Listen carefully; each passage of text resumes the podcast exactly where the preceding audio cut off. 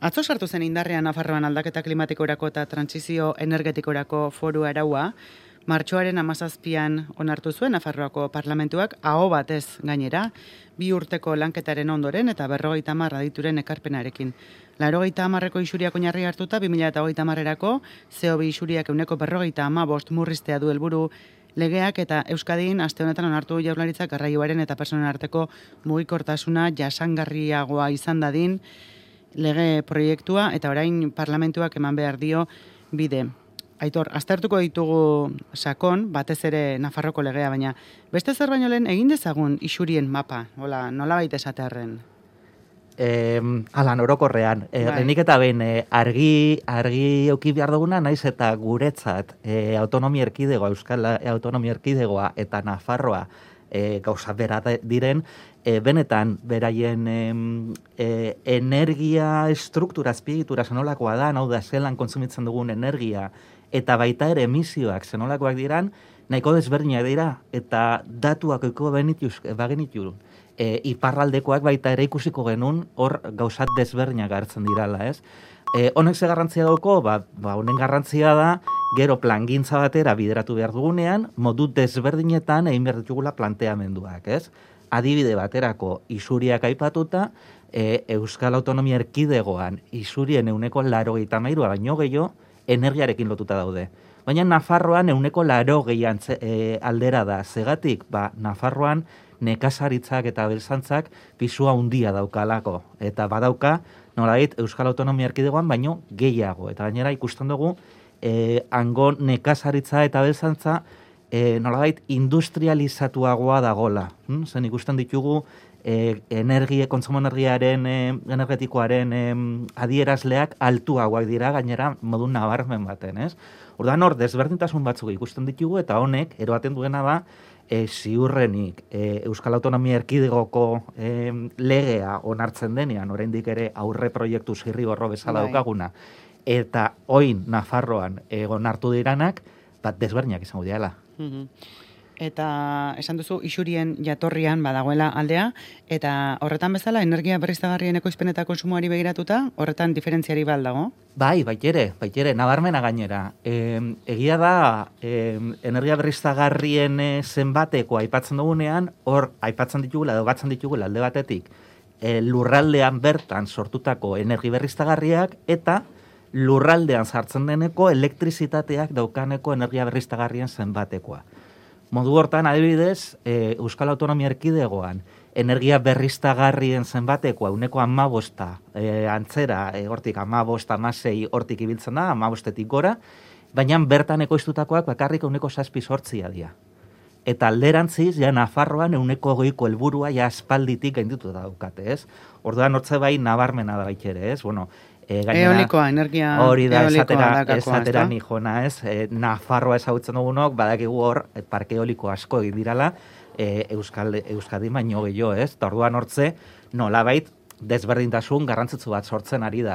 Eta gero baita ere, ba, bueno, biomasa daukate e, herribera, badaukate baita ere e, fotovoltaika modu zabalago baten edatzen ari da, orduan, bueno, beste energi e, iturri instalazio gehiago dauzkate, ez? Eta horretan, jakina, e, lurraren orografia berak ere ba, asko laguntzen du edo asko zailtzen du. Ala da, ala da, zene azkenean e, egia da mendi lerroetan eta e, eolika jarri behar dugula eta mendi e, ba, nahiko antzekoa izango litzateke ez, gure orografia, baina gero ja egoalderantz e, heltzen garen einean, hortze baita ere eolika gehiago jarri daiteke eta gainera fotovoltaika, ez, ja lauagoa dalako e, lurraldea. E, baita ere Euskal Autonomia Erkidegoan antzeko zerbait gertatu liteke, ez? E, desberdina da e, Gipuzkoan eta Bizkaian e, zenolako proiektuak egin daitezken edo Araban eta are gehiago Arabar herriosan zenolako proiektuak egin daitezken, ez? Zen e, besteak beste baliabideak, hau da eguzki radiazioa eta izea desberdinak dira. Mhm. Nafarroako legeak esparru asko hartzen ditu, e, nekazaritza aipatu dugu, abeltzaintza, industria, baina honekin batera, uraren kudeak eta etxe bizitza mugikortasuna, azpiegiturak, basoen gestioa, kontratazio publikoan ere sartzen du, e, em, aztarna ekologikoaren parametroa eta isuriena, zemat, zemat azpizailetara iristen da? Bueno, hau da betikoa, ez? Noraino heldu nahi Bai. dugun, ez? E, hemen, e, onelako legeak e, modute ezberdinetakoak izaten dira, naiz eta orokorrean estruktura nahiko antzeko eukitzen da bez, ez? E, nolabait helburu batzuk, nora llegatu nahi dugun, hortarako e, helburu horiek, ba, bueno, sailkatzen dira eta bar, eta gero pasatzen gara tresnetara eta sektorekako politiketara, ez? Normalean sektoretako politikak batzutan bakarri galan oso orokorrean e, agertzen dira, e, hau bereziki maial e, handiko legeak diranean, ez, ez dakit, adibidez, e, Europar zuzentarauak, ez, ba horiek oso orokorrak izaten dira. Baina gero ja tokira goazen inean, ba ikusten badugu toki baten, adibidez, abeltzantzak garrantzia handia daukala, ba, bere politika propioak garatu beharko dira, eta orduan agertzen dira ez legean. Orduan hemen nolabait aztertu behar da noraino ailegatu nahi dugun. Vale, eta mm, nondik hasiko gara? Mugikortasuna, berriztagarriak, fiskalitatea, Ba, nekazaritza. nekazaritza ez, elementu asko daude, ez? Bai. Adibidez, nik uste, em, politiketan eta e, tresnekiko, mm, Nafarroako legeak, em, e, zeobiko edo karbonoko aurrekontuak proposatzen ditu, ez? Hau politika aurrekontuekin lotutako politika bezala eta e, zeobiko e, murrizpen helburuak lortzeko modu bat bezala, ez? E, zeobiko edo karbonoko aurrekontuak azkenean dirana da esatea urtero zenbat izuri dezakegun eta gainera sektoreka. Eta nolabait hori bete beharreko hm, e, arauak izango lirateke, ez? Post urtean behin okerrez banago Hori da, bai, bost urtean behin. e, berbeiratu behar dira, eta mogu hortan nolabait, bai lortzen dugula, ba, ibilbide bat zehaztea sektore bakoitzaren ez? Batzutan honelako legetan esaten dana da, isuriak murriztu behar dira, ba, adibidez, Nafarroan kasuan, ez? Euneko berroita amagosta. Bale, eta nik neuk, nire bizitzan, nire egunerokoan, edo nire enpresan zer egin behar dut. Hori bilbiderik markatzen ez bada, bazkenean gertatzen dana da, helburua gelditzen da horra airean, eta agian lortu liteke edo ez, baina ja hausaz ger- gertatuko litzateke ez. Kasu honetan ja esaten bada, ba, ez dakit, industriak onelako murrizpen bat euki behar dau, ba orduan ja argi daukagu zein dan ibilbidea, ez? Orduan hori tresna bezala nahiko tresna potentia izan liteke. Aitor, gogoan dugun nola erabiltzen zenuen Glasgowko eh, klimaren goibilera zari ginenean metabolantearen kontzeptua. 2008 garren urterako jartzea, helburu xeak eta hoietara iristeko plangintza egitea, horrela errazago betetzeko berroita amarrerako neutraltasunaren helburu hori. Hori da, hori da, azkenean tartekako e, bilbidea zenolakoa dan ezagutzen ez badugu, zelan lortuko dugu, ez? Zen, e, daukaguneko etorkizunera begira, daukaguneko erronka itzela da. Hau da, ja, zeo birik ez eukitzea 20berroita marrean. Eta zelan egiten dugu? Ba, bueno, jun behar gara, atalez atal, etapaz etapa, nolabaiteko helburu batzuk lortzen, ez? Gainera, hemen, bi, bi elementu gertatzen dira aldi berean, ez? Jakin badakigu, alik eta lehenen martzan jartzen garenean, gero eta arrezagoa izango dala, Mm, zen nolabait denbora gehiago ekiko dugu helburu berera heltzeko, ez da bardina nik gaur, ez dakit Santiagoko bidea hastea, e, pentsatuta ekainan amaitzea, edo in, hilabete terdi hastea, ez? Une honetan hasi eskero, ba, erraza egingo dut eta etapak txikiagoak izango dira. Mhm. Bantzeko gauza bat gertatuko litzateke honeaz, ez? Baina gainera aldi berean, jakin badakigu, sektore espezifiko batzuk nahiko zailak izango dirala e, deskarbonizatzeko. Orduan, une honetan, errezenak direnekin azten bagara, gero eta denbora gehiago egiko dugu, zailak direneko sektore horiek behar dutuzteneko, ba, bueno, teknologiak edo garatzeko. Bale, eta hori esan da, oso garbi dago, errazenetan sartu beharko genukela, mugikortasunearen, mugikortasunean elektrifikaziorako bidean, ba, gauza errazenatik astea ze gaurtik hasitako neurri batzuk ere badakartza legeak, adibidez, e, hogei mila biztanleko hirietan, dagoeneko taxi berriek derrigor behar dutela, eko etiketa aldatzen direnean. Claro, e, mugikortasunaren kasuan bi gauza gertatzen dira, ez? Alde batetik alternatiba, e, hau da, zelan deskarbonizatu jakin badakigu, ja kotze elektrikoak badaude, ja autonomia nahikoa daukate, falta dana agian leku batzutan edo leku askotan da azpiegitura, errekargarako azpiegitura, Bale, horraino, baina hori garatu beharko da, baina aukera ja badakigu nondi jun behar garan, ez? Baina aldi berean, mugikortasunarekin gertatzen ari dana, azken amarkada, ja amarkada terdian da, gehien azten ari daneko sektorea dela. Etengabe beraien emisioak eta energia kontsumoa eta etengabe gorakadoa. Beste sektoretan nolabe ja moteldu da edota ja jaisten hasi da, baina mugikortasuna etengabe gero eta kontsumo gehiago dauka eta gero eta isuri gehiago. Orduan, alternatiba daukagula eta gainera asko hasten ari danez, ba honetan jun behar gara, e, lege zehatzetara, eh? sortze daukagu baita ere, e, Euskal Autonomia Erkidegoak ontze e, mugikortasun sostengarriko aurre proiektua ja parlamentura. Eraman duena, azte honetan, bai. Hori da. Nafarroan, esan dugu, e, dagoeneko taksiek hogei miliatik gorako hirietan behar dutela eko, eta 2000 eta hogeita marrerako denek eta e, autoak eta elektrifikatzerako bidean, ze arau jartzen ditu? E, bueno, hortze arauak e, nahiko daude ez, e, besteak beste egon badago hau em, emisio basuko guneak zehaztea, eta hemen, ba, bueno, azken aldian e, albiste txarrak e, eukitugu Bartzelonaren kasuan gertatutakoarekin, ez, hausiak atzera botada, unaiz eta estatu mailako lege batek esartzen duen onelako e, gunea jarri behar dirala, e, azpiegitura baita ere errekargako azpiegitura zabaltzen hasi behar dirala, e, erakunde publikoek baita ere, beraien mugikortasuneko ibilgailuetarako baita ere elektrikoak izan behar dirala, e, arau asko daude, izatez honetan, e, bueno, justu ostiralean argitaratu zen azkenengo do, e, hau da, dokumentu onartutako lege ofiziala, eta laro eta mazortzi artikulu dauzko. eta, no, vale. eta hortze, azte magara behiratzen banan-banan, egia da elementu sektore desberdinetan sartzen garala, ez? Baina azkenean, honetan, une honetan, e, egiten direneko elementuak bardina dira, ez? Alde batetik, e, be, ibilgailu elektrikoa, aldeneko tokietan derrigorrezkoa izan, ba hori taxietan, baina baita ere erakunde publikoetan eta bar, mm emisio basuko guneak esartzea, hau da, herri e, edo ja iria hundietan gune espezifiko batzuetan bakarrik eko etiketa dokateneko e, ibilgailuak sartu alizatea eta azpiegiturako e, e, e, pargatu, errekargako azpiegitura zabaltzen jutia, ez? Eta hortze batzutan, ba, bueno, jartzen dira. Ez da gitzen bat, e, errekarga puntu publiko egon behar dira urte honetara. Bai, e, mila biztanletik gorako herri guztiek beharko dute gune bat bi urteko epearen barruan, hori da puntuetako bat. Baina, bueno, pentsa, ia, eunera egitxe egitezken neurri zehatzak aipatuta, baina hildoa, justu, e, jaurlaritzak aurkeztutako lege proiektuaren berbera da. Horra, dibidez, bizikleten e, erabilera eta sustatzeko, bat, darri horreztu gaizatea, aparkatzeko guneak jartzea, eta eta bar, eta bar.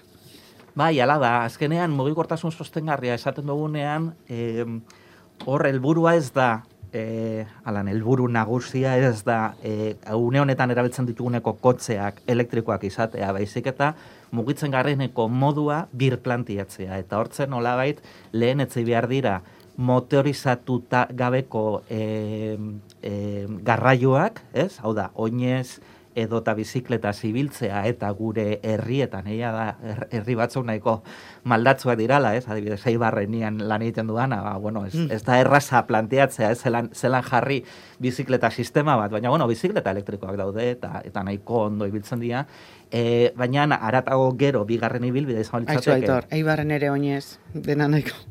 bai, bai, ez ez da, ez da bat erraza, eh, modua. Baina deia da, bizikleta elektrikoak ba, malde, maldetarako eta nahiko ondo portatzen bai. dala, ez? Orduan hori aukera bat izan litzateke, edo igo gaiuak. Eta ez kotze hartu e, goitik e, ona e, urkizura jaiztego, ez? Hmm. Hortze elementu, hau da, modu desberdinetan egin daikegu, ez? E, baina, gero, e, mugikortasun e, publikoa edo garraio publikoa izango litzateke bigarren eremua, gero partekatua, hau da, ni bakarri kotze erabiltzen badut bilbotik eibarrera juteko, eta nire lakide baita, baita ere nola baita ordutegi berdina bai. badauko, bagian hobe biak ados jartzen bagara eta kotzea partekatzen badugu, ez? Gauza horiek eh, ekin errazak dira. Hori da. Orduan hortik ibiltzen dira eta honetan oso garrantzitsua da eta normalean ez da planteatzen modu transbertsal baten lurralde garapeneko plangintza zelan egiten dan eta mugikortasuna. Zen gure lurralde garapenean planteatzen badugu, adibidez, zentro komertzialak, herrietatik kanpo egotea, horrek behartzen dau, kotze pribatua erosketak egiterako, e, egiteko erabiltzea, ez? Orduan hortze baita ere nolabait elementu desberdinak gurutzatu beharko diliratek, ez? Nolabait, politika, e, inguru giroko politikak eta transizioko politikak transbertzalak izan behar dirala. Eta hau, normalean lege guztietan aipatzen da, ez? Klimataketako legeetan, bai izaten dela, hau transbertzala izan beharko litzategela, eta plangintza guztietan, nolait ikuspegi hau sartu. Mm Horregatik jasotzen ditu baipuak irigintzari buruz, e, baita genero ikuspegiari lotutakoak, baita pobrezia energetikoari dagozkionak ere? Bai, bai, ala da. Hala da, adibidez, genero ikuspegia, e, nik uste ez dala erraza ikustea, ez? Zegatik aipatzen da genero ikuspegia energian, energiak ez dauka generorik, ez? Askotan esaten digute. Bueno, planteatu behar dugu eta pentsatu behar dugu, zaintza lanak dirala, nolabait energia asko kontsumitzen duteneko e, lanak, ez? E, gure etxeetan barruan egiten diranak, eta nolabait e, e, daudenak, ez? Eta hauek bereziki emakumeek egiten dituzte orduan, emakumeen ikuspegia energiaren kudeatzeko unean, eta energiaren prezioan baita ere, ze ordutan da garestien, ze ordutan eta zelan egiten dan, hortza elementu nahiko interesgarriak zabaltzen dira, nolabait gure plangintza baita ere planteatzeko, ez? Ez da bardina, adibidez, instalazio ondietan, energia berriztagarriak egitea, edo autokontsumoaren bidez, energia kudeatzea, ez? Eh? Hortze etzean bertan eta zaintzalanak egiten direneko aldi berean energia zuk zeuk e, sortzeak, ba garrantzi e, handi aukileike. Aitor, gogoan dugu Glasgowko e, goibileran hainbeste desaostasun sortu zituzten bi kontu ere badirela, azkenean adostasunik gabe geratu zirenak, bata ikuskatzearena, e, helburuak egokitzen joatearena, eta bestea klima aldaketa kaldetuentzako funtsarena, eta Nafarroako legeak heltzen die bi hauei. Bai, ala da, ala da, gero ikusi behar zenolako... E, eh, bilakara eta egokitzapena eta estutza izaten duen, bai. Zen, eh, azkenean ikuskapenak egiten nahi dituzunean, personal propio auki behar duzu ikuskapen horiek egiteko. Eta balea bide asko. Eta hori da, eta horre goten da gakoa, bai. ez? Baina, oso garrantzitsua da, adibidez, Nafarroako legean, e, izunak agertzen dirala, eta izunak heldu daitezkela 2,5 milioi euroraino. Hau da, oso izun haundiak izan daitezkela, e, nolabait faltak ba, ba, e, nahiko e, grabeak direneko kasuetarago, ez? Orduan, hor ikuskapen sistema bat ezartzen badozu eta gainera izun batzuk, ba, hortzen nolabait, bai, derrigortze hori, ba, indarra hartzen dago, ez? E, de, derrigorrezko helburuak bete behar dirala. E, hau, e, Euskal Autonomia Erkidegoko e, zirrigorroan adibidez ez dira izunik agertzen eta hau nahiko digarria da, ez? Hau da, zuk lege bat aurrera eroan noi baduzu, eta aurrera eroan hortan benetan betetze, betetzeko legea bada izun batzuk hartu beharko lirateke. Hau izaliteke azken finean e, daukaguneko zirriborroa oraindik ere landu beharreko e, dokumentu bat dalako, oraindik ere ez da ez da parlamentura iritzi, eta parlamentuan baita ere onelako elementuak gehituko dira, ez? Baina negia ba, e, honetan nahiko garrantzitsua dela, ez? Mm, eta, eta biztakoa da gainera, isunak oso txikia direnean ere, askotan, aldaketak egitea baino, nola merkeago ateratzen den, ba, askok aukeratzen dutela bide hori, ez? Isunak bai, eta aurrera. Hori da, hori da, isunak esan behar dira, kaltearen urriko isunak, hau, hau nahiko e, agerian dago, ez? Gainera bestela, lortzen dana da, aberatzek edo zer egiteko aukera ukitzea, eta benetan dirurik ez daukanak, ba naiz eta izunak basuak izan, agian aurre egiteko modurik ez daukate, eta orduan, bai, nola bai, diru askorik ez daukanak legea betetzen dago, eta eta dirua daukonak ez dau betetzen, ez? Orduan, ondo dago, adibidez, Nafarroako legeak jarri dituneko izunen, e, ba, bueno, zenbatekoa, ez? Nahiko, nahiko potentia da.